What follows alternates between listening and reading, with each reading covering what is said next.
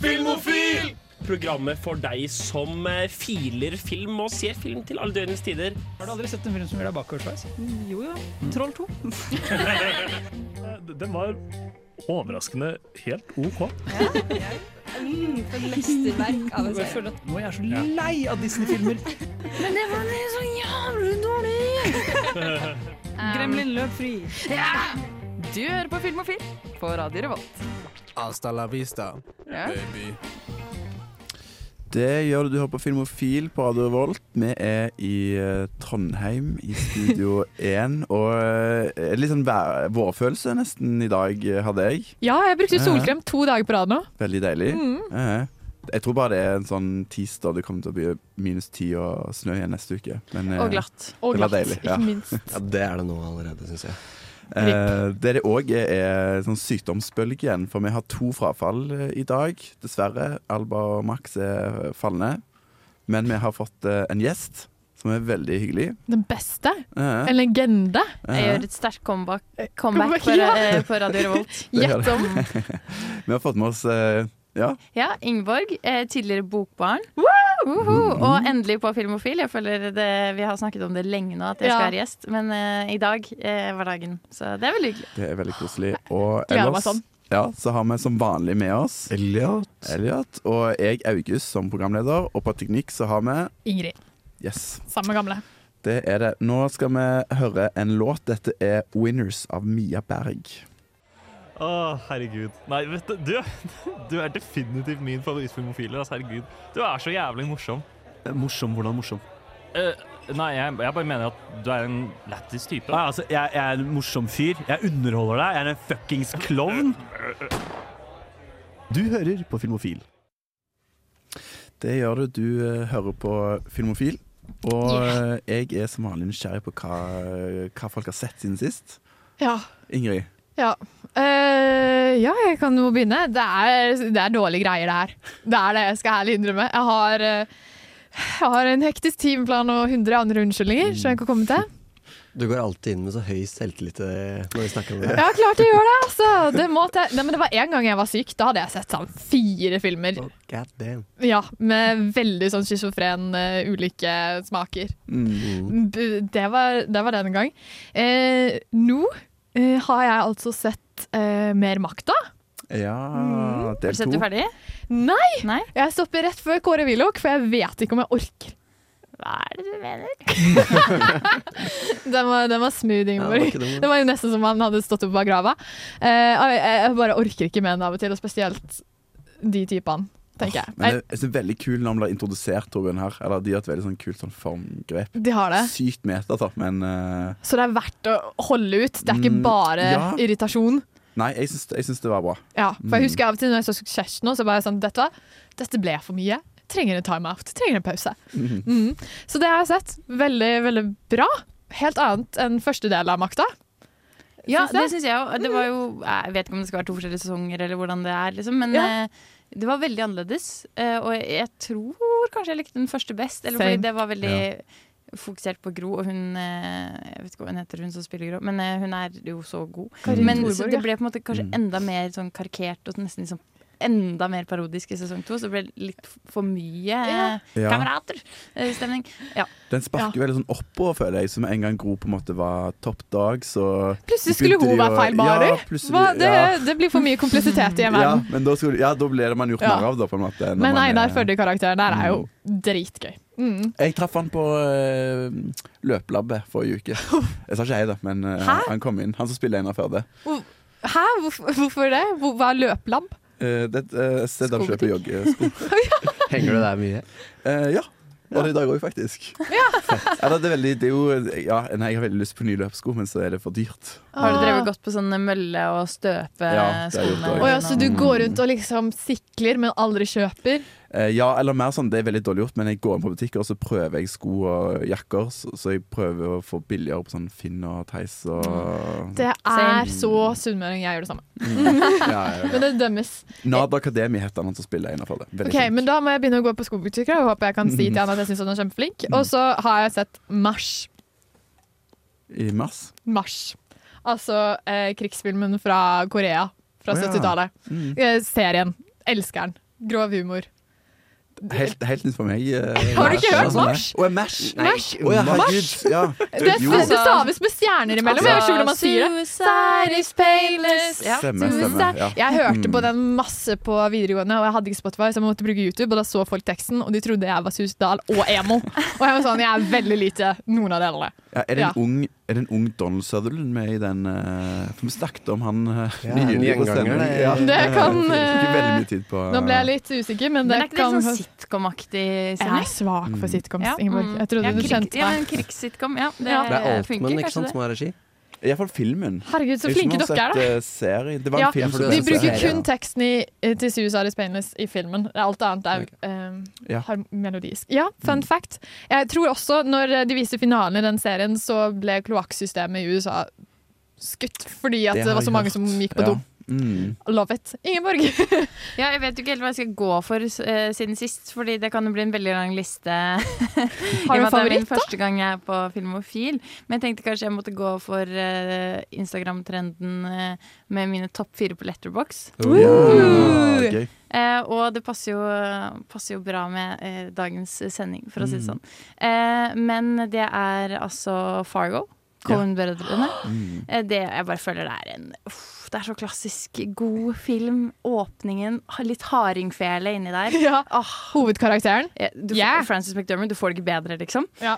Ja. Liten fun fact. eh, en i familien min er han som har inspirert han Gary Grimsrud i, i Fargo. Ja. Coen-brødrene ja. var på konsert med, med Geir Sundstøl, som er i familien min. Og så syntes de han var så rar karakter, så de tok navn, eh, eller inspirasjon til Oi, fy det er kjempegøy! Ja.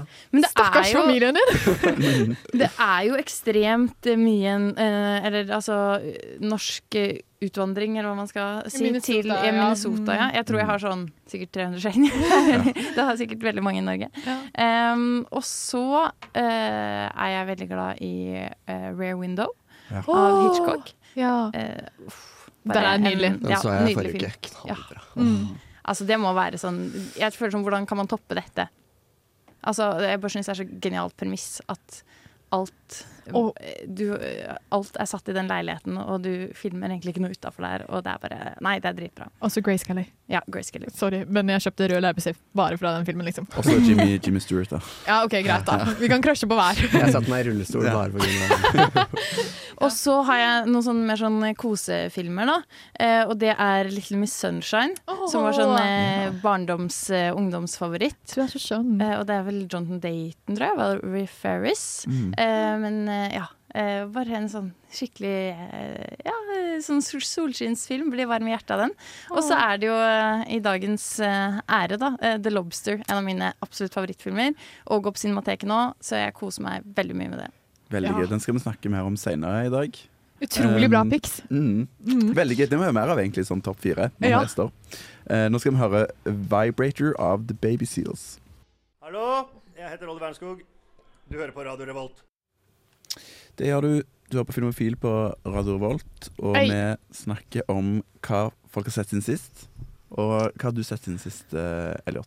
Eh, Jeg har sett eh, litt greier. Jeg har sett The Thing, blant annet. Sett Ja. Midnight Cowboy. Uh, men jeg har noe ikke filmrelatert jeg har lyst til å snakke om istedenfor. Er du, er du Er det føler en deg. Uh, Dessverre ikke. Føler deg trygg nok Ja. som ny å ta opp noe ikke-film? Eh. Ja. Eh, jeg la merke til, har lagt merke til siste uka at jeg har helt plutselig blitt veldig dårlig til å lukke smekken på buksa. Eh, er det en, har dere opplevd det noen gang? At en sånn helt random ting bare, dere bare slutter å gjøre det helt plutselig? Jeg har så mange spørsmål. Første spørsmål hvordan oppdager du det? Har du, at, altså, så At jeg bare andre? Har, eh, nei, jeg har sjekka selv plutselig. Altså bare what? Nå har jeg Det er litt sånn som at du Ja. eh, ikke låser døra di, Ja. og så tenker du har jeg låst døra her nå? Og det er samme da, at jeg plutselig bare har sjekka, så nei, det hadde jeg visst ikke. Spørsmål nummer to. Har du noen gang tenkt på at det hadde vært litt nice å blotte seg? Nei, Nei. Så det er ikke med vilje. Det er ikke med vilje, Eh, eller underbevissthet? eh, absolutt ikke. Okay. Det går godt å vite, Len, Ja, da. nå er, jeg, nå, er, nå er jeg ferdig med mine spørsmål, men OK. Men det er ikke bukser. Fordi Noen ganger så har du sånne bukser der man bare går ned som har helt- dårlig smekk. Helt vanlige bukser. Det, er, det er bare en hjernekortslutning som har skjedd de siste par ukene. Er det mest glidelåser eller knapper du går for? Eh, Det er glidelås. okay. Det er som oftest. For knapper hadde jeg skjønt, for det er arbeid. Ja, og hvert fall de sånn, Jeg har en sånn bukse med masse knapper oppover. Sånn Ja. eh, typisk sånn Levis-bukse. Ja, ja, Og der er det noen ganger hvis jeg er sånn fjern, så knepper jeg bare den øverste. Og så når jeg setter meg ned, så bare sånn Og Eh, Åpner det seg. Men eh, nei, ikke som jeg kommer på sånn her som jeg plutselig. Men jeg er veldig dårlig på å låse ofte. Bare Ja. at, at du orker. Jeg, jeg vet ikke, jeg, jeg er litt distré, tror jeg. Ja. Det Kanskje er jeg har blitt det, tydeligvis. da Men det er merkelig å bare sånn helt Aldri hatt noe greier. Du skulle snart ta eksamen, var det ikke det? det. Kanskje Ja, det derfor. det kan henge sammen. Ingeborg er på saken. Har ikke hodet helt med seg. Nei, men, men, eh, men opplever du at livet ditt har vært litt som en film, da? Den siste uken? Når du har, Fordi jeg glemte å lukke Ja. smekken. som det var en Nei, Masse sånn slapstick-scener. Ja, så, sånn, oi, oi, Ja. eh, Sånn der skrekkmusikk på bussen når du unser deg. Det har heldigvis skjedd som oftest mens jeg har vært hjemme, da. For jeg har vært ja. litt uh, sjuk og sånn, jeg òg. Å, ja. Som våre falne filmofilere. Eh, Mm. Men eh, Så jeg tror Forhåpentligvis er det ingen som har kunnet lagt merke til det offentlig. Kanskje det rett og slett bare er det at du har vært så lite ute blant folk at du har glemt sånn etikette. Kanskje. Ja. Det er fullt mulig. Har du mista andre folkeskikk overfor deg selv òg? Spiser du med hendene nå, eller? Nei. Nei. Så det er eh, en sånn rar, en sånn bitte liten kortslutning. Men ja, nei, ikke så mye eh, spennende på filmfronten. Jeg fikk litt eh, lyst til å sjekke noe om, eh, om noe er oppe. Den er ikke det. Jeg kan love at den ikke er det nå. Okay. For akkurat nå er jeg voldsomt selvbevisst på det. Ja, OK, bra. Bedre det. Eh, ja. Eh, jeg har sett eh, Det var gøy du sa The Thing, for jeg har sett eh, den nye sesongen med True Detective. Oi! Night Country. Jeg vet ikke om noen har sjekket ut det? Nei. Men det har fått uh, veldig bra mottakelse, sånn typ beste siden sesong én. Eh, og det handler om eh, eh, to etterforskere oppe i Alaska, i en fiktiv by som heter Mm. Ennis. Eh, og veldig lånt litt sånn der eh, Litt sånn Nordic noir eh, Insomnia. Ja. eh, insomnia. Ja, jeg tenkte på Insomnia faktisk, men det er jo en sånn Det er mørkt hele tiden, og det er liksom rå natur, sant. Og menneskene som bor der, er veldig liksom forma av det, da. Og det er voldelige, liksom deprimerte mennesker, da. Jeg har bare sett bilder, men det ser veldig dansk ut. Det ser veldig Ja. ut. Ja. Mm. De Ja, ja, ja. lange frakker og sånn. Ja, Nordic og og noir. Ja, sant. Og Jodie Foster spiller en sånn veldig sånn no bullshit, eh, ikke helt sosialt kompetent, vanskelig eh, eh, politisjef da, der i, den, i denne her byen. Ja, er ikke hun i Broen akkurat det? Jo, det var det det var, ja. Og så er det ei som var Hun heter Carly Rice, som jeg tror var en ganske god bokser. Eh, Hun drev bokser mot Solveig Brekkhus, men hun har også blitt eh, skuespiller, da. Eh, og så er det jo eh, Ja, urfolket oppe her i Alaska òg, som på en måte har blitt utsatt for litt sånn ja, mye dårlig behandling da fra disse her innflytterne. Så det er litt sånn samme tema som Killer of the Flower Moon òg. Ikke feel good. Ikke feel good. Nei. Bekmørkt. Uh, og det som er på en måte uh, konflikten her, er jo at det er forskere på en forskningsbase som har Oh, eh, blitt drept. De har dukka opp liksom ute på isen da, og, har, eh, og er døde. da. Oi, det er var jo veldig ting. ting. Thing. Mm. Digger det. Mm. Så, så den, er, den er kjempebra. Jeg, jeg anbefaler å sjekke ut det. Jeg, ble så, jeg fikk så blod på tanna at jeg begynte å se sesong én igjen med Matthew McConaughey og, Oh. og gutta nå. Men eh, anbefaler det. Ny sang med True Detective på HBO. Nå skal vi høre We All Know All Too Well av Sara Fjellve. Uh, My name is Benoit Blanc, and you are having the absolute pleasure of listening to Film or Det har du. Du har eh, tilfredsstillelsen og privilegiet på Filmofil denne torsdagskvelden. Eh, og i dag så skal vi snakke om eh, en gresk regissør som heter Jorgos Lantimos. Som har en veldig sånn distinkt eh, stil. Det er litt derfor det var vi tenkte at det liksom var verdt å ha en hel episode om han. da Mm. Og fordi eh, hans nye film Poor Things, som hadde kino i januar, har fått elleve Oscar-nominasjoner. Ikke mindre, nei. Ikke mindre. Så, Jesus. og jeg, jeg tenker jo og Hadde vunnet Eller jeg, jeg tror ikke han kommer til å vinne, jeg tror Oppenheim kommer til å vinne, men Mm. jeg føler de to filmene på en måte som på en måte de som er de mest anerkjente, egentlig, eh, fra 2023. Mm. Og den vant jo òg Gulløven på Venezia eh, i fjor. Er bare bare. Mm. Så jeg lurer på, har dere noen sånne første eh, inntrykk av, uh, av temaet og Jugoslant i Moss?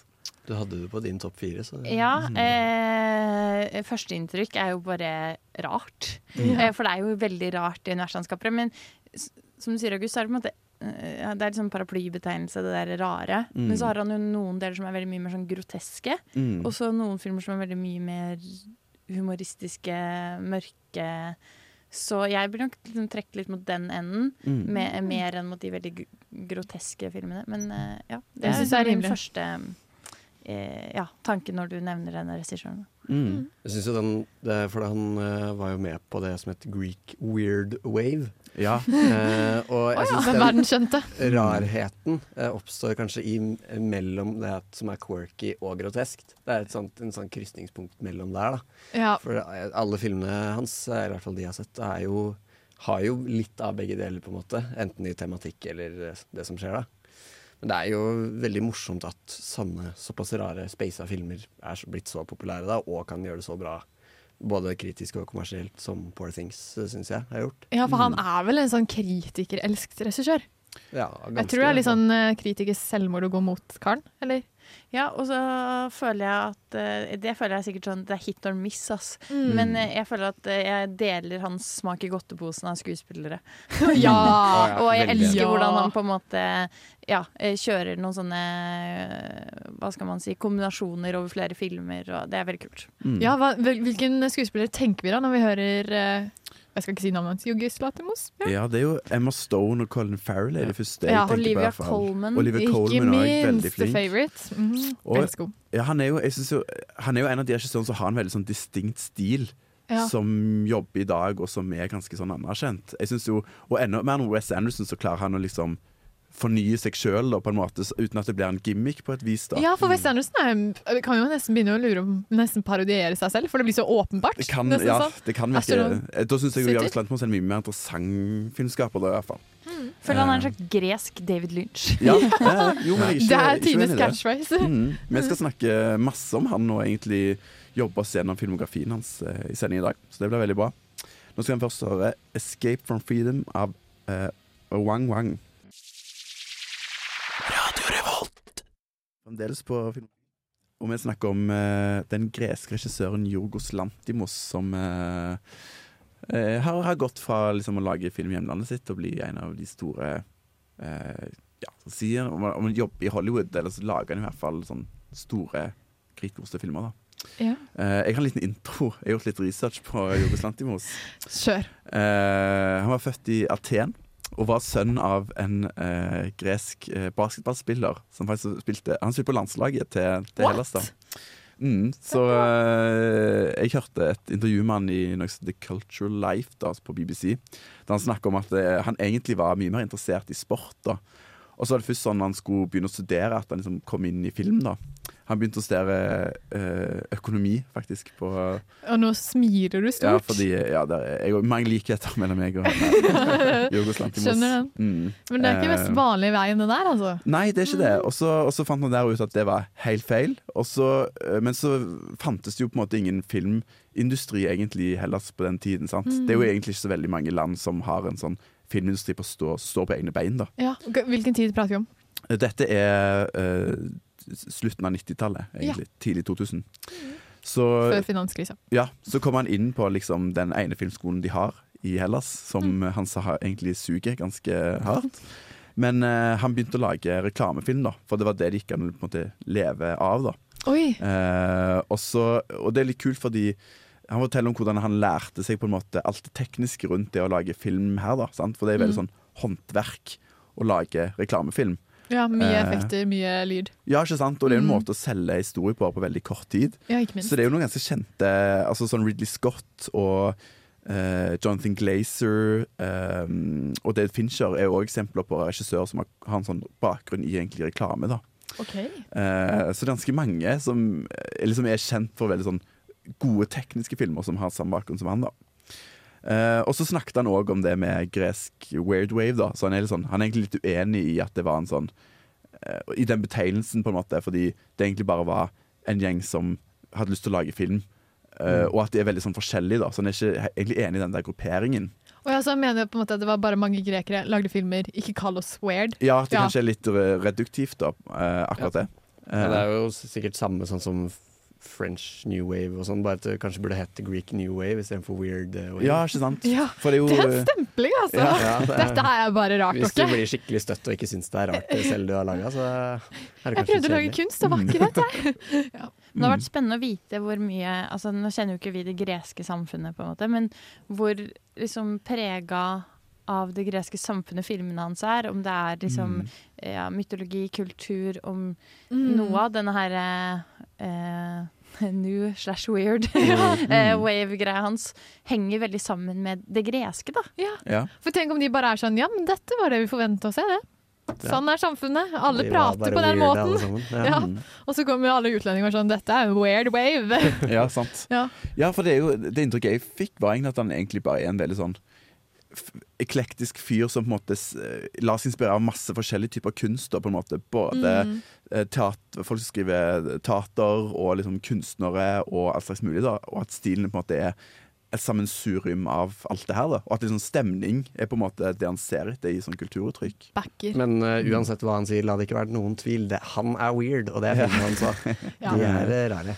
Mm. Jeg har fått litt inntrykk av det, ja. Ja. Mm. Mm. Så vi var litt inne på det som er sånn typisk eh, Jorgos Lantimos-filmer, men eh, det som jeg tenker på ofte den der veldig sånn der ikke-naturalistiske, litt sånn deadpan måten og karakterene lever på, sant? Litt sånn rigide. Ja. Eh, eller hvordan vil dere beskrive liksom, typiske karakterer i, i Lantimos-universet? Nei, altså jeg sa jo noe her når mikrofonen var av, men de er liksom litt eh, sånn på, De er på et eller annet spekter. Jeg vet ikke helt hvilket, men liksom Det er lov å si det. Ja, ja men det er Altså, det er det er, det er eh, veldig, de er veldig filterløse ofte, Mm. eh, og veldig sånn direkte. Mm. Og ganske flate. På en måte. Altså, karakterer kan være komplekse, men Mm. de skjuler på en måte ingenting. De er veldig sånn Synlig som en Ja, eller i hvert fall dialogen i filmene da, er Mm. veldig Mm. eh, liksom åpen, og alt blir liksom sagt, Ja. føler jeg. Ja, eh, jeg så 'Killing of a Sacred Deer', og jeg bet meg veldig fast i karakteren der, for jeg syns ikke de hadde De var ingenting. På en måte. Ja. De var bare ja, Jeg er veldig enig på hvordan du beskriver dialogen. Mm. Kjemperar, kald og eh, utrolig urealistisk, hadde jeg trodd. Er det representativt for resten? Deres? Ja, jeg vil si det på et vis. Og litt sånn, det, som du er inne på, Nesten sånn barnlig, på en måte. Ja, liksom det, det med at de er uten filter. Og det er han jo også litt sånn opphengt i. sant? Ja. I et par av filmene som vi skal snakke om senere i sendingen. Da, det, det der, nesten som det er som barn i en sånn voksen Ja, kropp. også, barn som leker Mm. voksne, det var en veldig god beskrivelse, jeg. Men det er jo eh, på en måte De er litt tomme altså, for Mm. innhold, og så i tillegg så leverer de med da, noe sånn spekter som du snakker om. Da. Ja. Mm. Så, men det er, jeg syns det er det kanskje som gjør de mest distinkt eh, Lantimos-filmer, er at det finnes ikke en quote on quote vanlig karakter i filmen hans. Ja, for jeg, jeg, jeg satt og lurte på hvorfor han ville gjøre det. At, er det fordi at vi ikke skal relatere oss, eller er det for at de kan representere alle? For det er ikke noe spesielt med dem. Jeg føler at ofte så er det et veldig sånn humorgrep. Okay. Fordi altså, det, er, det er morsomt, det at de liksom eh, ikke klarer å snakke sammen, eller snakker sammen på en veldig sånn rar måte. Mm. Ja. Og så er det jo kult eh, det at det er sært, men likevel så er det jo veldig mange som har oppdaget den her regissøren. Liksom, han får jo ja, han får jo sagt mye, mye liksom god kritikk da for de filmene her, så det får vi finne litt ut av i løpet Det av må i løpet av si noe viktig, på en Mm. måte. Mm. Eh, nå må vi høre eh, Techno Sapien av Lemetre. Eh, Mamma? Ja, vennen? Pappa? Ja? Jeg har akkurat uh, sett Pulp Fiction på rommet mitt og funnet ut at jeg er filmofil. Det fins mye verre ting enn å være det, Ja. jeg. Å være filmofil. Ja, Veldig du- bra jingle. Ja, Mm, tusen takk. Det er Noe desidert verre? Du kunne bodd i en av disse filmene til uh, vår kjære Joggis. Ja, og vi starter med å prate om eh, Dogtooth, som eh, Dogtooth. Tooth. Som eh, var hans gjennombrudd, egentlig. Han hadde vel laget litt kortfilm og en spillefilm som var blitt ganske dårlig tatt imot. Men i 2009 så kom Dogtooth, som vant eh, Un certain regard på um, Cannes, som er på en måte sidekonkurransen ved siden av Gullpalmen. Mm. Eh, og eh, Elliot, kan du forklare hva Dogtooth handler om? Eh, jo, veldig lett så er det noen uh, far og uh, muligens kona som har bestemt seg for å oppdra barna sine litt alternativt. Muligens. Og da borte fra resten av samfunnet. Helt isolert fra resten av samfunnet. Med sin helt egen type oppdragelse. Hvor de lærer de litt hva de har lyst til selv. Altså de foreldrene styrer veldig spesifikt de, hvordan barna skal bli, da. Hva vil de lære? Eh, Nei, altså de vil oppdra barna sine på en veldig ja, spesifikk måte, som okay. kanskje ikke helt matcher med oss resten av, av hvordan vi har blitt oppdratt, da. Foreldre. Så er det Ja. sånn skummel Captain Fantastic. eh, Ja. Ja. Det, jeg fikk liksom frysninger av det, tanken på dette. Det er visst en jeg be, nesten en remake av Nå husker jeg ikke hva den heter, eller hva han regissøren heter, av en meksikansk film. Ja. Uten at eh, Lantimos noen gang har sagt det offentlig. Shame, shame. Så han fikk en liten diss fra han meksikaneren da, da, Mm. da han ble, var nominert uh, på Cannes. Ja. Uh, men ja, jeg må få sett den, for den skal visst være ganske bra. Mm. Ja, det høres ut som The Castle of Purity. Ja, Mm. sikkert. Ja, for jeg ble litt uh, Det du sa, Ingeborg, om sånn der, i hvilken grad han var inspirert av liksom, det greske, eller den kulturen han var en del av, så er det jo sånn der Jeg føler ofte at man hører om sånn sydeuropeiske medlemmer av europeiske land der barn blir veldig De bor veldig lenge hjemme hos foreldrene sine. Uh, så det kan jo være liksom en kommentar på det, eller òg Det var jo ganske mange saker på begynnelsen av 2000-tallet med barn som var innestengt og liksom oppdratt i kjellere. Altså veldig mange sånne fæle Mm. saker, da. Mm. Ja, vi er Eh, den banen. Det er ikke sånn det er lættis de skal lære å være frie kjeler. Nei, ja, eh, virkelig. Altså, han, ja, og han eh, De har jo en helt egne regler, så er han ikke så opptatt egentlig av å forklare Hvorfor? hvorfor de velger å ha de innestengt, så vidt jeg forstår. Det er mer sånn OK, dette er den verden som de barna uh, lever i. Disse voksne barna. sant? Mm. Og eh, det høres jo veldig ut som en skrekkfilm, men altså, jeg, jeg er mer sånn fascinert enn på en måte forstyrra, kanskje, av Ja. Av karakteren i den filmen. Jeg vet ikke hvilket inntrykk du har. Uh, Nei, altså, jeg, kan, jeg skrev en veldig kort anmeldelse da jeg så den på Cinemateket her om dagen. Ja. eh, En setning. Uh, mange gode ideer og kommentarer, og mange weirde og ukomfortable greier. Uten at de brukes til så mye. Ja, OK, så du er sånn jeg passe, syns helt- passe jeg syns den er helt ok. Jeg har sett den to ganger nå. Mm. Um, og syns at, jeg syns alle disse Lantimos-greiene er fascinerende og underholdende til en viss grad.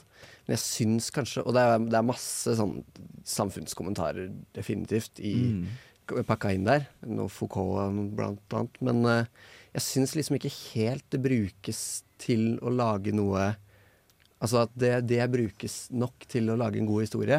Ja. Eh, eller en underholdende eller feng, fengende historie. Er det litt som for mange tanker der? Ikke nødvendigvis det, men jeg, jeg syns kanskje at eh, det er litt vanskelig å relatere seg til karakterene, Mm. for de er så tomme som vi har snakka om. da. Ja. Eh, de er veldig fraværende, måten han filmer på og sånn. Mm. Så den he, ikke helt overbevist meg, men du kan kanskje si meg imot, eh, August. Ja, jeg, jeg liker denne filmen veldig godt, og jeg syns den funker veldig godt fordi eh, du har disse her veldig sånn naive karakterene, da, de, de barna.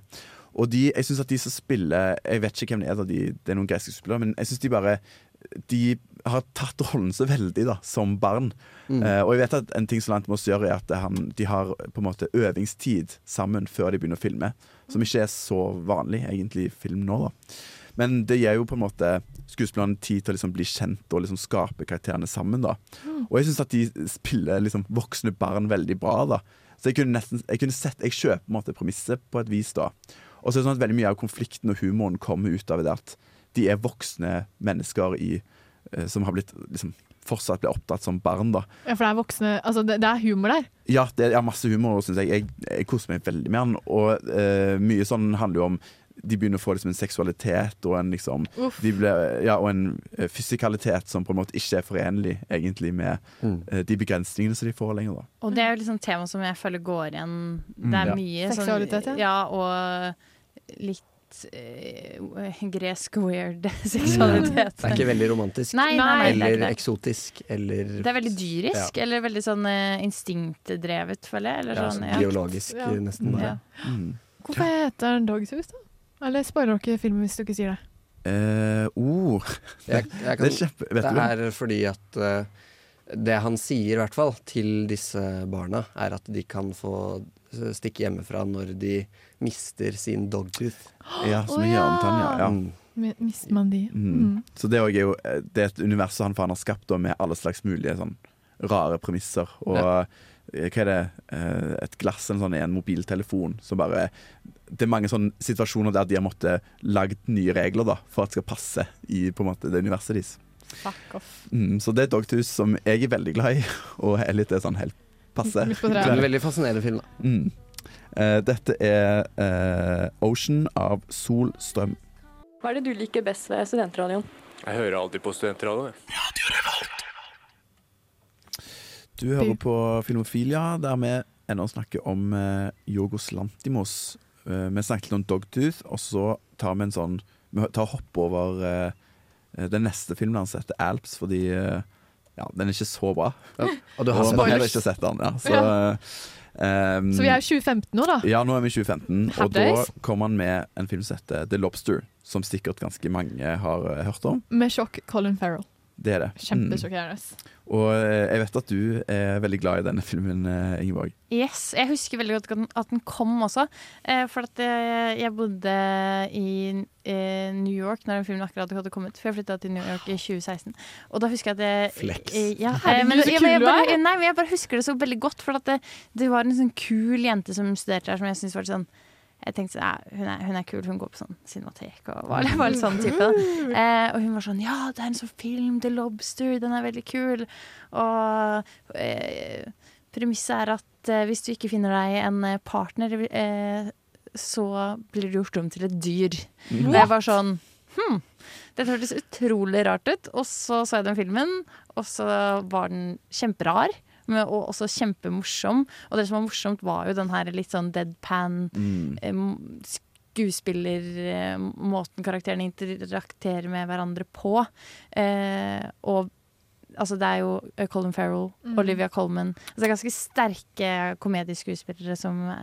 er ver- verva til filmen, holdt jeg på å si. Så, eh, Rachel Weisz.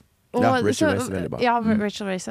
Eh, så Nei, veldig, veldig moro og rar film som liksom traff meg. Mm. Mm. Og igjen så gjør han jo det at han liksom har skapt et ganske sånn søkt premiss. Og så har han liksom mm, populert det her, den ideen med masse karakterer, da. Og så funker det liksom sånn. Man kjøper jo det premisset ganske Men hva, fort, føler jeg. Ok, Kan dere gå to steg tilbake? What the fuck, liksom? Så Hæ? Eh, Det er i hele verden, da, eller i hvert fall der de bor, Mm. så er det sånn at hvis du ikke har partner, så er du bortkasta, på en måte. OK. Jeg tror det er i løpet av en sånn 30 dagers periode Ja. eller noe sånt de innfører denne loven. 45 dager har de. Ja. Mm. Ja, så for det starter jo med at uh, Nice. Uh, starter med at uh, Colin Farrell gjør det slutt, eller blir slått opp med av kjæresten sin. Og da må han på en sånn leir hvor han må finne seg en partner, eller så Hvis han ikke gjør det i løpet av de dagene, så blir han et dyr. Angivelig da en hummer. Eh, muligens, ja. Um, Der sjekker han vel inn med en hund. Som er broren hans. Ja. Mm. Eh, som, eh, ja, og, uh, spoiler, da, ikke klarte, klarte de 45 dagene. Eh, så det er veldig mange sånne, sånne små quirky greier folk kan ha snakket med i løpet av oppholdet. Og, eh, og så bestemmer du selv hvilket dyr du blir. Du? Jo. ja. Oh, Eh, ja. og så bare sånn ja, ja, jeg har veldig lyst til å bli det dyret. Og så plutselig så går han tur en dag, og så bare sånn Å nei, det står en, en, bjørn der, en står en hest der, liksom. Og så er han sånn De klarte det ikke! Fuck. Ja, og han har jo òg forklart at uh, han hadde lyst til å lage eh, han begynte å tenke på det med hvordan liksom singlet er sånn, De fa- blir liksom ekskludert fra samfunnet på et vis. Iallfall når man blir eldre og det liksom er en forventning om at man skal finne Mm. noen å være sammen med. Uh, men det var en kjedelig Han ville ikke lage en film bare liksom om det. da Det ble Ja. for kjedelig, så han liksom istedenfor kommet opp med denne her uh, ideen, da. Sant? Om at de blir som- an til dyr. En feberdrøm av en idé. Mm. Uh, og, og, men så er den liksom helt enormt bra. Og så er jo det som er et sånt gjennomgående ting, er at uh, du må liksom ha noe sånn helt sånn banalt til felles med den du er sammen med. Så sånn Å ja, begge er svaksynte, liksom. Eller noe sånt. Eh, Ja, det er vel en sånn scene hvor det er to stykker som blør neseblod, tror jeg. Og da er det sånn Yes, de er et par. OK. Ja, mm. Så de finner en fellestrekk. mm. Ja. Og Men det er er dårlig å dumpe noen, da. Det er jo eventuelt en livsdom. Det er det. Ja. Ja. ja, det er rimelig sjukt å gjøre, egentlig. What the fuck? Ja. Og så sier jo hun, hun konsieren, altså Olivia Colman sin karakter, som er direktør da, på det her, den leiren eller det hotellet. Jeg vil si at Klinikk eller noe. ja, ikke sant. At det er sånn, ja, du, ja, du ble jo ikke drept, da, men du, du får, kan få et nytt liv da, som dyr. Hvilken dyr hadde folk vært her? Ja, unnskyld, Ingeborg først. Nei, nei, Mm. eh, jo, eller det jeg skulle si var at jeg føler at sammenligna med noen av de filmene vi skal snakke om, eller kanskje sammenligna med 'Killing of a Sacred Deer', egentlig, Mm. så er den her mye mindre sånn sinister, og Ja. kanskje litt dogtug, da høres jo litt sånn sinister ut, mens The Lobster er måte, Den er ikke så sånn thrilleraktig, men det er jo noe veldig tvangsmessig over de forholdene de er satt i. Altså det at de, Du må bli, finne en partner, ellers så blir du et dyr.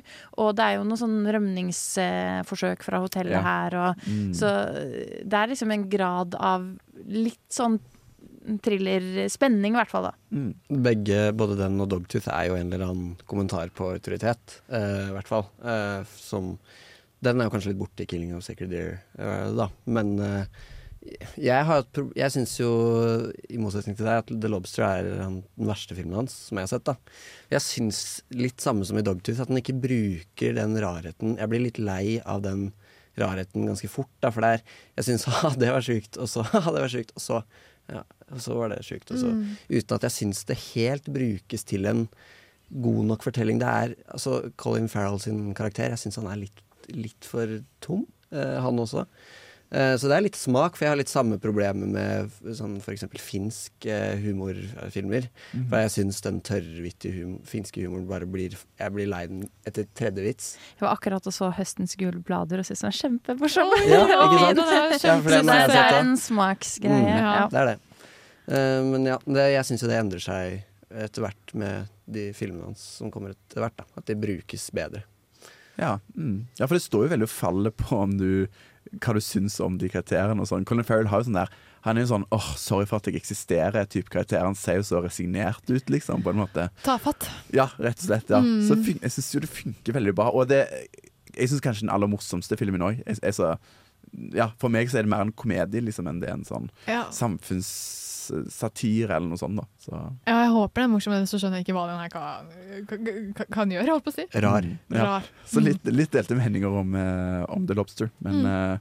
iallfall en her, Ingeborg, som er veldig, veldig veldig Jeg glad. backer. Absolutt, og den går på Cinemateket, så hvis du er interessert, så er det bare å dra og se den på tirsdag. Ja. Uh, nå er det en ny Sara Fjellvær-låt. Hun har vel et nytt album ute nå. Dette er The Way You Love Me. For et program i burra med både klasse og stil. Du hører på Filmofil. Du hører på Filmofil, og Yeah. vi beveger oss til 2017 og The Killing of a Sacred Dare. Ja. Som ble gitt i lekse, faktisk, av uh, Elliot forrige uke. Mm. Um, ja. Og eh, vil du Jeg mistenker at her er det mye å ta av Mm. i studio. At her er det litt eh, politiske ulike meninger. Politiske. Politiske, alt blir politisk, alt blir politikk. Eh, vi kan jo Du, kanskje jeg skal være kjempediplomatisk, da. At du, Elliot, du liker denne filmen veldig godt, gjør ikke det? Så vidt jeg forstår. Jo, jeg syns det er den beste jeg har sett av Lantimos til nå.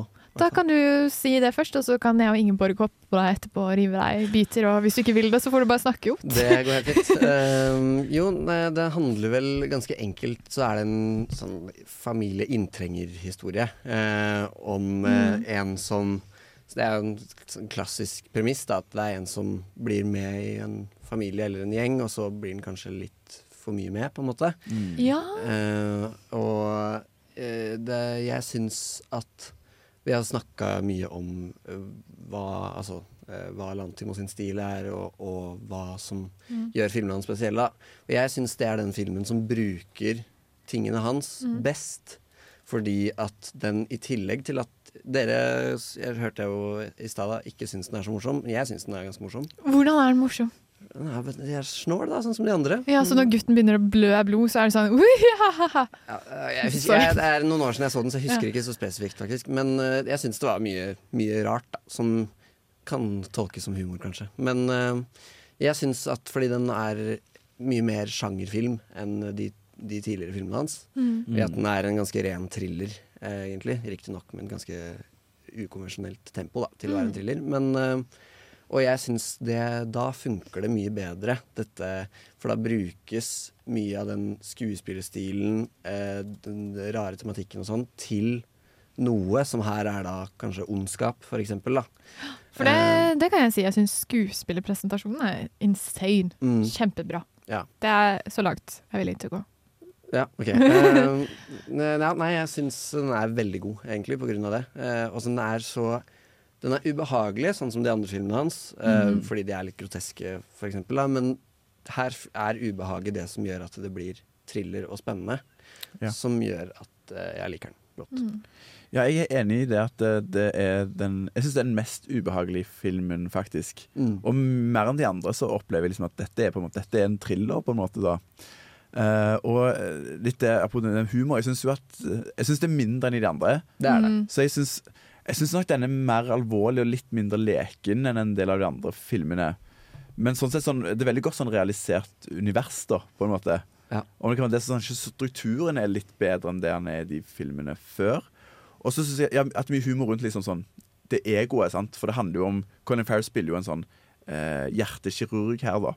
Ja. Ikke sant? Som har en eh, kone som er lege, og to små barn, og har liksom et sånt kjempebra liv, og han er eh, liksom, Kongen på haugen. eh, Ja, han er kongen på haugen, rett og slett. Mm. Og så har han det her vennskapet med eh, Barry Kyogen sin karakter, eh, som er bare underlig, da. Man skjønner liksom ikke hvor det kommer fra. Mm. Eh, Ikke les beskrivelsen av filmen før man ser den. Ja, det ville jeg sagt. Det hjelper på. Eh, Jeg føler veldig mye av framdriften det som er, ligger i det usagte. Mm. Og det er litt irriterende, samtidig som det er jo på en måte intriguing og det drar meg inn. Men man lurer veldig på liksom lenge på litt relasjonen mellom eh, Mm. eh, han hjertekirurgen og han inntrengeren, da. Eh, og ja, spe man spekulerer på sånn Oi, er det kanskje noe Er de i familie? Er det Mm. Ja. Noe utenom ekte, ekteskapelige aktiviteter som har foregått her og sånn? Mm. For det, det, det, det er veldig sånn eh, garnnøste som blir nøsta litt og litt og litt mer opp i løpet av Utrolig filmen. saksomt. Mm. Men du sitter fortsatt igjen med bare en haug av tråder når du er ferdig. For jeg syns det er veldig mye som er sånn ubesvart her òg. Mm. Og det er litt sånn «Åh, Jeg skulle gjerne øh, fått svar på noen av de Mm. ubesvarte spørsmålene, men samtidig så er det veldig sånn spenningsskaper, da. Så ja. Det, det er jo i veldig eh, Kubrick-tradisjon. Eh, det er jo generelt Lantimos da veldig inspirert av Kubrick. Mm. Jeg syns kanskje den her har veldig tydelige eh, Kubrick-preg fra f.eks. Eh, noen av scenene i 2001, eh, når eh, amerikaneren og russeren skal snakke sammen uten at de kan røpe noen hemmeligheter til hverandre. Eh, og den Ja. har den veldig kliniske eh, ukomfortable samtalegreia gående i hele filmen, Mm. og jeg elsker det. Ja, Ja, veldig fort. Ja, og Nicole Kidman spiller jo en versjon av karakteren sin i Ice White Shut, føler Ja. jeg, litt i den Mm. filmen, som er litt, eh, som er litt gøy. Og det er derfor jeg elsker den så mye, for jeg elsker Nicole Kidman i Ice White Shut. Mm. Ja, utrolig god. Uh, ja, jeg synes uh, Filmen kommer jo til fram til et dilemma, og jeg syns ikke den dilemmaet er så Altså, det er så lett å tenke seg til det, og det er bare sånn hva, hva er det verste du kunne tenkt? på en måte? Og så sier jo filmen selv at den er basert på en gresk tragedie. Mm. Og som jeg nevnte til dere under låt, jeg syns ikke det at man bare tar en obskøn gresk tragedie, at det på en måte blir høykultur og bra av den grunn. Ja, ja, det er jo en slags uh, Og moralhistorie òg, på en måte. Som, Ja, som er og- veldig ja. enkel. Og en Man- jeg forbannelse, fem- da, òg, som er Ja. som sentralt. Jeg så genuint ti minutter av filmen, og så spådde jeg slutten. Ja. På en måte. Mm. For det er bare mulig å tenke hva er det som hadde vært shit? Ja, så ganske, ganske polariserende eh, Mm. film, iallfall i studiet. Men det fikk meg til- Regissør generelt. Ja, Mm. det fikk meg til å føle noe. Det skal den ha. Mm. Mm. Eh, nå skal vi høre låt. Dette er Our Neighborhood av I Like To Sleep. Hei, vi er Honningbarna, og du hører på Radio Revolt. Det gjør du. Og eh, nå er vi i 2018, og da Denne fyren er busy. Ja, i hvert fall eh, han var veldig busy en periode. Mm. Um, og så kom han med The Favourite, som er Da har han gått fra et, eh, en gresk tragedie til et kostymedrama.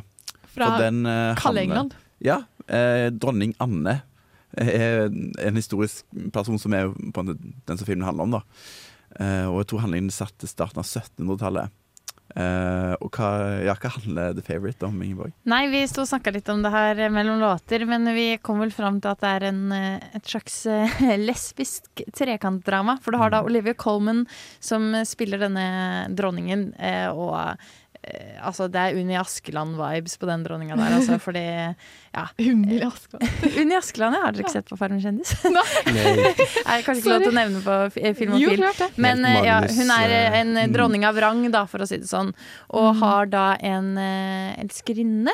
Uh, Sarah Churchill, tror jeg hun heter. Yes. Uh, og så kommer da et er det vel søskenbarnet, tror jeg, til uh, eh, eh, Sarah Churchill Mm. uh, inn og skaper en sånn trekantkonstellasjon. For hun får også et veldig tett og nært eh, forhold til dronninga. Eh, så det er bare masse sjalusi alle veier, egentlig. Og den dronninga har et veldig behov for å bli elsket og sett og verdsatt hele tiden. Og er egentlig en sånn skikkelig petty liten jente. Oh. Mm. Ja, for jeg har et spørsmål. Når en mannlig eh, regissør lager lesbisk per periodedrama, så pleier det å være noen ting som går igjen. Syns du at de minner andre, som Ammonite og Kammerpiken? Eksempel ekstremt grove sexscener.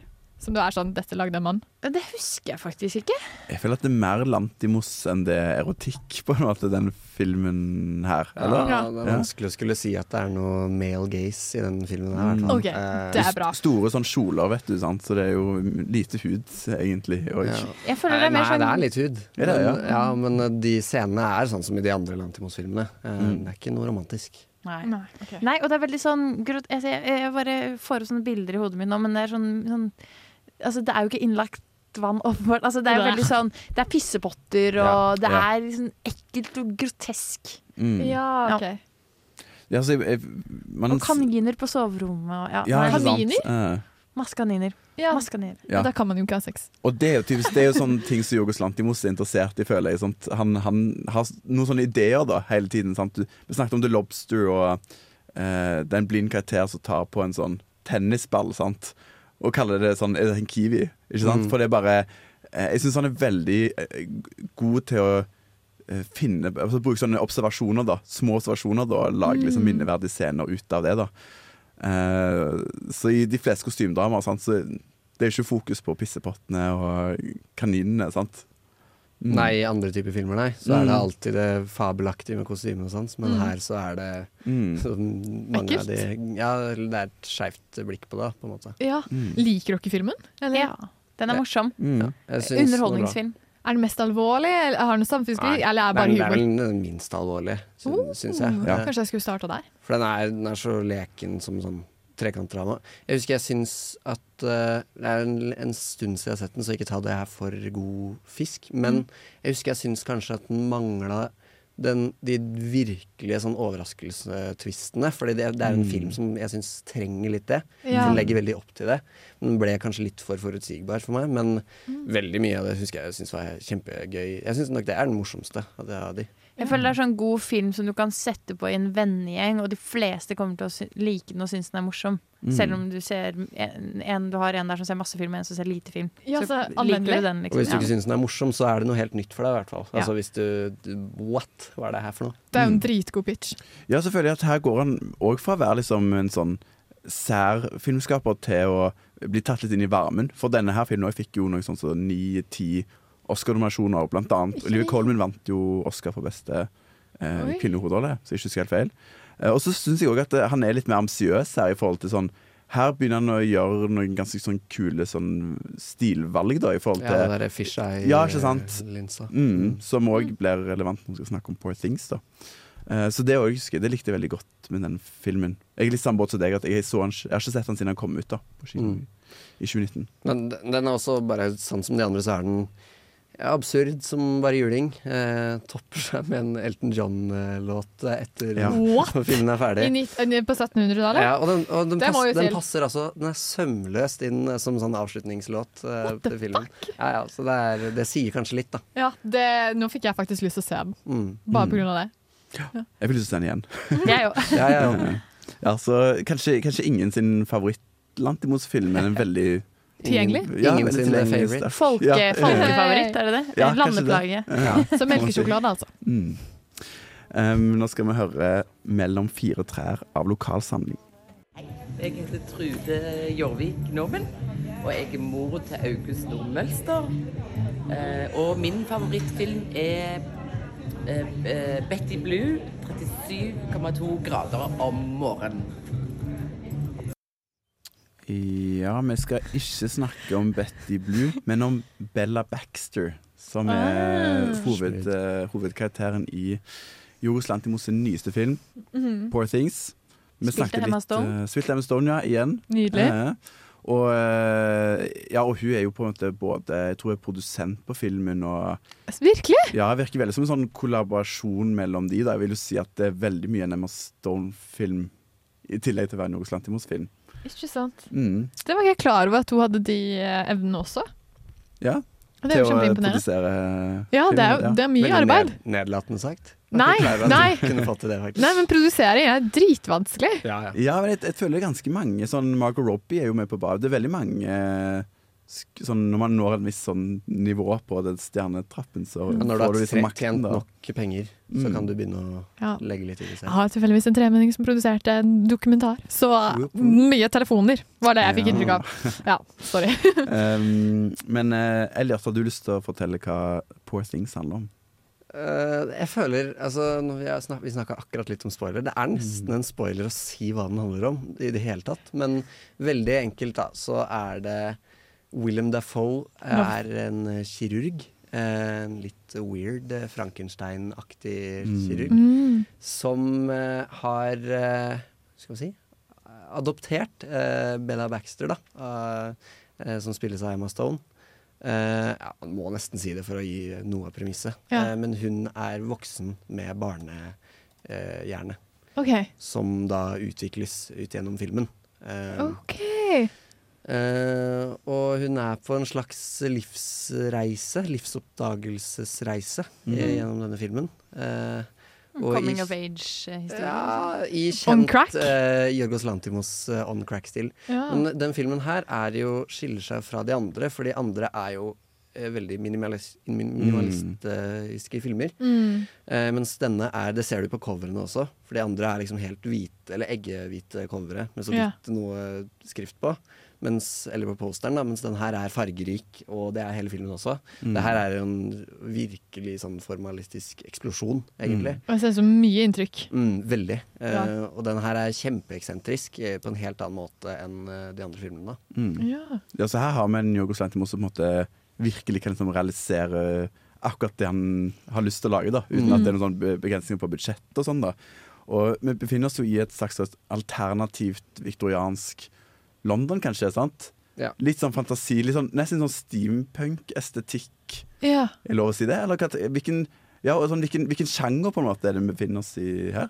Det, den står oppført på nettet som komedie og slash sci-fi. Ja. Ja, Er folk enige i det? Ja, fordi at eh, og den eh, viktorianske London er jo det mest eh, naturalistiske naturtro ved filmen. Mm. Etter det så går det jo over i The Yellow Submarine også. Mm. Da blir det craziness. Eh, og eh, det minner meg litt om sånn Uh, er det Robotene eller noe sånt? Hvor de har en sånn film Nei, hvor de har en sånn by som er bygd opp av eh, masse liksom eh, stål og farger og Mm. Det ser ut som eh, Kremlen, på en måte, bare i, i stål. Da. Masse, eh, masse farger og kremtopper. Og, eh, da føler jeg at vi beveger oss bort fra jeg føler nesten at de reiser til et annet univers. da Bort fra det London-universet og til et De drar jo til eh, Portugal, tror jeg det er. Men Mm. at det på en måte At det er ulike univers de reiser gjennom, egentlig. Ekstremt Jeg føler det London-universet, som er første del av filmen, da. Her er litt sånn eh, hvis den A series of unfortunate events. Ja! Mm. Uh, Love it. eh, men også er det jo Denne er jo definitivt da, Du kan jo diskutere det om de andre filmene, om de er samfunnskommentarer Mm. eller ikke. Men dette er jo definitivt en kommentar på på kjønn, på feminisme, på menn, på kvinner, på begjær eh, Mm. videre. Oi. Oi. Ja, Spennende. Ja, det er veldig spennende. Eh, det her er min Barbie, hvis det er lov å si, for, eh, for fjoråret. Ja. Mm. Og vi skal snakke litt mer om Poor Things uh, It Musikk, og litt om hva du legger i akkurat det, og den Mm. karakteren du kunne interagere da, med, Mm. med verden og de menneskene som du møter. da. Først skal vi høre Introspectral av Desert State of Mind. Altså Min ydmyke mening er at det aller beste du kan gjøre hvis du våkner opp og er litt klein på en søndagsmorgen, er å bare koke opp noe bra, ikke altfor hardt brent kaffe, og bare sette på en robot på sofien. Mm. Backer. Ja, takk. Nydelig. Uh, um, vi snakker om uh, Poor Things. Yes. Uh, og jeg kan, altså, dette er min favoritt uh, Lantimos-film foreløpig. Altså. Ja. Jeg koser meg helt enormt med den, og jeg tror jeg, den er bare så sykt vital. Og så er det noe med den der nesten sånn Terry Gilliam-aktige måten å lage film på. Jeg vet ikke om dere har sett Brasil og, og de filmene der, men den der underligheten syns jeg bare er så enormt gøy. Mm. Eh, Uh, fort søk på nettet virker også som det er den som er best mottatt av kritikerne. Ja. Så vil eh, du synes at den er litt mer Ikke kritikere er jo ikke normalbefolkning, men er det mer tilgjengelig, eller er lettere å like? Jeg, ja, jeg tenkte litt på det at eh, jeg syns at eh, um, Der de første filmene bar veldig preget av et veldig sånn stakkato-dialog, syns jeg dialogen er mye mer levende her. OK. Uh, så jeg relaterer nok mer Eller jeg blir mer engasjert i karakterene enn tidligere, da. Når det kommer til å For meg så er det ja, motsatt. At liksom den Jeg syns den er mindre sånn ehm, eh, Hva skal jeg si For den gemene hop. Mm. For, for meg så blir det for mye sånn sci-fi, fantasy-aktige trekk her. Ja. eh, som gjør at de andre er jo my, satt i et mye mer sånn Altså et realistisk univers med et urealistisk premiss. Mm. Ja, Mens her er det Jeg vet ikke om det er et realistisk premiss engang. Alt er liksom på en måte urealistisk, bortsett fra det veldig sånn menneskelige ved Bella Baxter sin karakter. Da. Mm. Oh, ja. Eh, Så for meg så ble det litt for mye sånn sukkerspinn som tok oppmerksomheten fra alt det andre. Den ble for speisa. Ja, ja, det var bare sånn Jeg likte premisset med at denne karakteren skal ut i verden og utforske seg selv og bli utsatt for all korrupsjon og jævelskap som vi mennesker tar til oss, liksom. Og så ser vi hvordan det går. Men det ble bare Jeg skjønte ikke hvorfor vi måtte ha så mye sånn eh, soppebobler ved siden av det. Ja. Ja. Jeg tenkte bare For å svare på det hvorfor den er mer kritisk, bedre kritisk Mm. så tror jeg også det har litt med det at den er mer menneskelig. At det er uh, sikkert videre appell da, når det gjelder akkurat det. Mm. Og så er det jo den mest ambisiøse filmen hans, Mm. definitivt. Det er fordi han har Mm. gått bort fra det som jeg snakka om i stad, med minimalistisk til en sånn eksentrisk uh, sånn, sånn sukkerspinnstil. Mm. Men eh, jeg syns den var Jeg har sett den to ganger. Så den på Biff, og så så jeg den på kino igjen nå. Eh, og jeg syns den var veldig god. Eh, første gangen så syns jeg det var på, når du er på festival, så er det veldig mye trått, mye veldig naturalistisk og sånn. Mm. Og så ser du den plutselig, som Ja. bare er en sånn Fyrverkeri. bombe med Ja, det er Mm. fyrverkeri. Mm. Så det var jo en, et kjempedeilig å se den, og det var en skikkelig overraskelse, og alle hadde gledet seg til den. Mm. Så den på nytt nå, og syns ikke den var den nødvendigvis like god. Litt samme problemet som de andre filmene, syns jeg, med at uh, han, det er så sinnssykt mye han, det Her er det jo også, da, som jeg snakka om kommentarer og sånn. Vet ikke om jeg syns de blir brukt til nok. At det er nok betydning bak det han Mm. sier.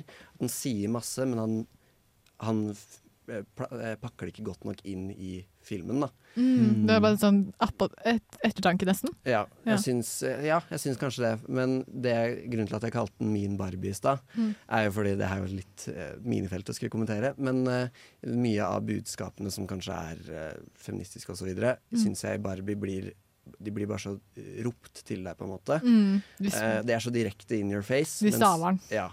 Mens her er det mye mer subtilt, og du må tolke det mye mer selv. Og det Mm. syns jeg er Det foretrekker jeg i hvert fall. Mm. Det Mm. gir jo bedre effekt. Ja, For meg så er det bare en utrolig sånn engasjerende historie. Og Det er jo det er mye debatt rundt den Bella Baxter-karakteren, fordi hun går jo ut i verden her som en slags barn. sant? Mm. Så å si at hun har liksom Hun går ut nesten uten noe forhold til liksom Hun har ikke noen fordommer, og hun har ikke liksom noe forhold til de der sosiale reglene og sånn. Så jeg føler at hun er en karakter som har mye påvirkningskraft på de rundt seg, og har liksom mye agens. da. Mm. Men så er jo sånn, samtidig så ender jo karakteren opp med å liksom jobbe på et bordell, og på en måte hun ble jo tatt Hun ble utnytta av de rundt seg òg, da, på en måte. Men jeg syns den karakteren er så utrolig bra realisert, på en måte. Uh, ja, nei, at Man driver liksom heier veldig på den reisen hennes, Mm. da. Mm.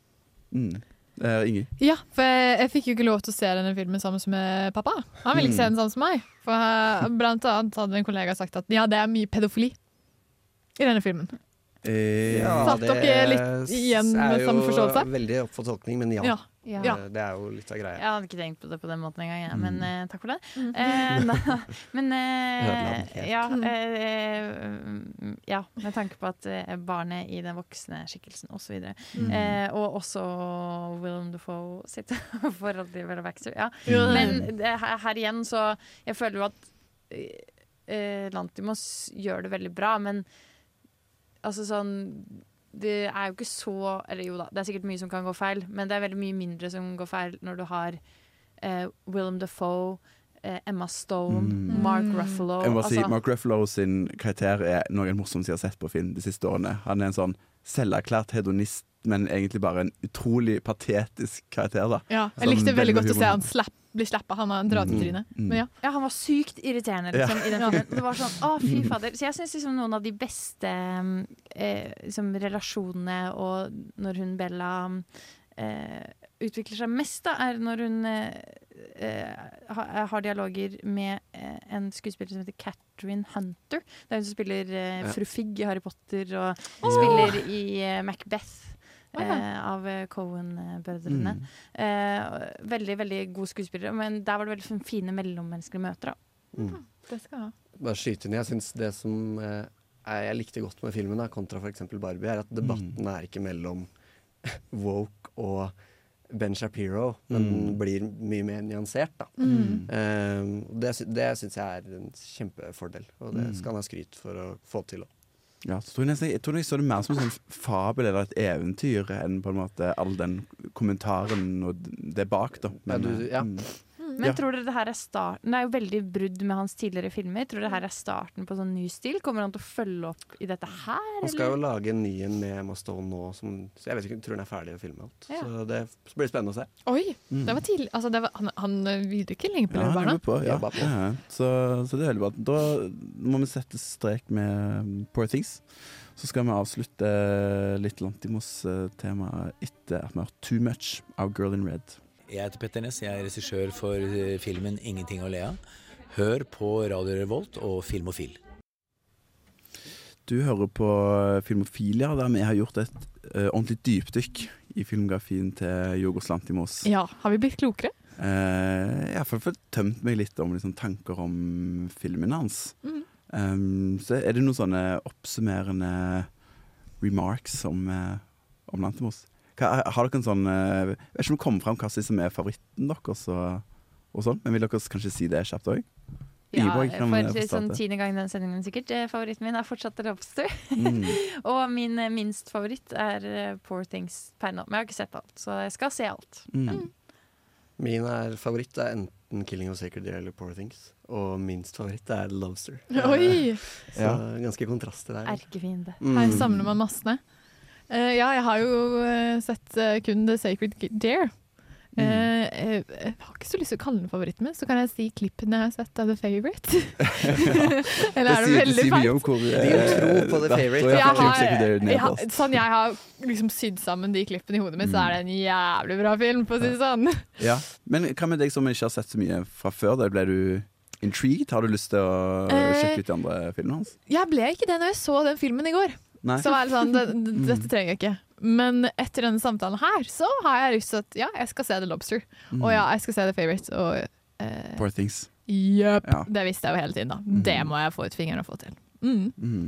Ja, for Poor Things er nok min favoritt, som sagt. Ja. Og så ah, Jeg syns det er slemt, altså, for jeg liker den egentlig òg, men jeg må si at King of Sacred Dare er foreløpig nederst hos meg. Men jeg syns jo altså, jo at Jorgos Lantmos er en regissør som lager nesten bare bra filmer. da.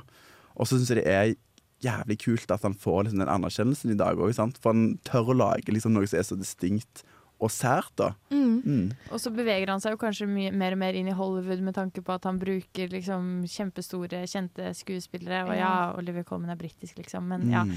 Eh, det er, er jo mer og mer penger i filmskapinga hans etter hvert. Mm. Men jeg syns Mm. det er kjempekult at det er en eh, ikke-amerikansk regissør som gjør det stort og får masse anerkjennelse. Ja, ikke minst. Noe av det beste som finnes, er jo at en regissør sitt navn kan dra folk på kino. Og det syns jeg Det har han jo gradvis mer og mer gjort nå, da. Mm. Får sikkert litt hjelp av Emma Stone og sånn, men, Mm. eh, Mm. men ja, nei, jeg syns det er veldig kult. Ja, han, er nok, han er ikke en favoritt hos meg. Eh, helt, selv om jeg syns at et par-tre av filmene hans er bra. Mm. Eh, det blir kanskje litt for eh, Litt for mye weird. Og Mm. litt for mye substans for meg, Mm. men mye av det. Men eh, jeg, jeg kommer til å se alt han lager. Ja, for det, ja, han er jo virkelig en av de regissørene så du går, du går på kino liksom når han, når han Ja. lager film. da Det tror jeg. Altså, Mm. eh, slik jeg forstår hans track record, denne mannen er ikke ferdig. Nei. Nei, Han kommer nok å produsere mye fremover. Det er ikke så altfor ofte at vi tar for oss regissører som er såpass aktiv. Nei. Nå, Mm, på Også hvis du ser hvor lenge folk holder på, liksom. Hvis han skal ta en Woody Allen, så Oh har vi God. mange, mange filmer i La oss håpe han ikke tar en full Woody. Nei, nei, ikke en full Woody, men hvis han skal holde på å produsere film opp i 80-åra, så har vi mange Spielberg gode eller eh, Nei, jeg, jeg, jeg, jeg gikk for Woody. Jeg hørte på, eh, på um, Valentine's-sendinga deres og lurte på hvorfor ingen nevnte Annie Hall, så da fikk jeg nevnt det òg. Ja. Ja, ja, Det var bra. litt fake, kanskje. Ja, kanskje det var fordi Woody Allen er Woody Allen. Full Woody var grusom, Ja. eh, grusomt ord, egentlig. Eller grusomt uttrykk. Ja. ja.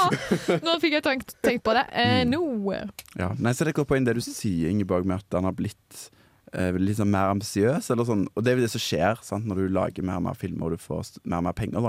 Mm. Han hadde jo, De første filmene skrev han jo sjøl, og med en sånn gresk medforfatter. Og så har han fått en jeg tror det er en australsk sånn der playwright, hva heter det? Altså, en som har skrevet både teater og film. da altså, Tony McNamara har jo skrevet The Favourite og uh, og Poor Things. Og man ser jo på en måte på cinematografien i filmen hans at det, ja, han, han, han gjør mer ting der da, Mm. kanskje enn han gjorde tidligere. blir større og større. Sånn Mm. som eh, Wes Anderson eller Nolan og sånn, så blir det Mm. Nolan lager bare større og større konsepter, større og større filmer. Wes Ja. Anderson Mm. lager bare mer og mer Wes Anderson-aktige filmer. Mm. Og, men så jeg syns også han her, eh, Lantimos, lager kanskje har nå, med den med Poor Things, godt, prøvd noe litt nytt. Da. Det er kult, Mm. syns jeg.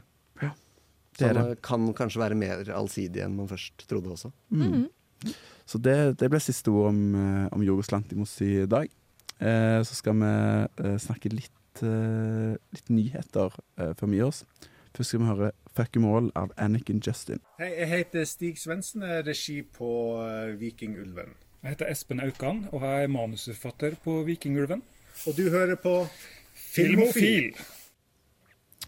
Det gjør du i ikke så veldig mye lenger, for vi nærmer oss veis ende i dag. Men eh, er, det noe, er det noen sånn filmnyheter ute og går, eh, Ingrid? Ja, jeg trodde jeg hadde tidenes eh, skandaleting å melde her. Ja. For det var en clickbait på Screen Rant er som sier sånn Steven Spielberg sier uh, hvilken film han mener er best eh, lagd noensinne. Men det var det beste han har lagd noensinne, og det er mindre Hva var det, da? Schindlers List. Selvfølgelig. Uenig. Uenig, han har lagd bedre. også uenig. James, eh, Indiana Jones. Ja. ja, ja, men ærlig oppriktig talt, ja. Men man må vel kanskje si den mer alvorlige tunge. Men eh, jeg tenkte at det skulle bli en kjempegøy nyhet at han nevnte sin egen film som Mm. beste sin noen gang lagd, men da var det jeg som eh, fikk litt dysleksi kicka inn. Beklager det.